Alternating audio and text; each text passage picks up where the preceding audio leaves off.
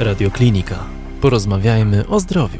Ja nie znajduję specjalnie złych aspektów nanotechnologii. Po pierwsze, jest to rozproszenie kruszca, który używamy prozdrowotnie. Po drugie, są to technologie, które na przykład umożliwiają nam łatwe życie. Poza tym należy pamiętać, że nanometale są to naturalne, po pierwsze występujące w naszym organizmie mikroelementy, a po drugie są to naturalne substancje występujące w przyrodzie.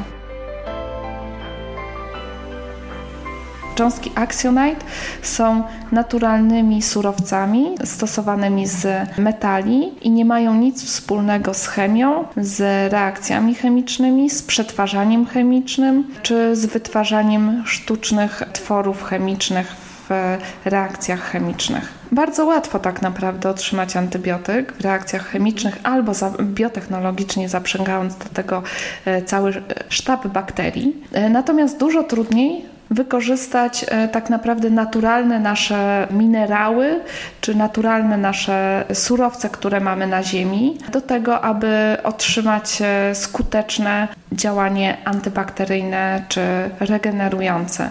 Tak naprawdę w przyrodzie, zresztą pewnie większość Państwa wie, jest mnóstwo substancji, które e, są nam potrzebne do życia i tylko one wystarczą. Więcej audycji na stronie radioklinika.pl i w naszej aplikacji mobilnej.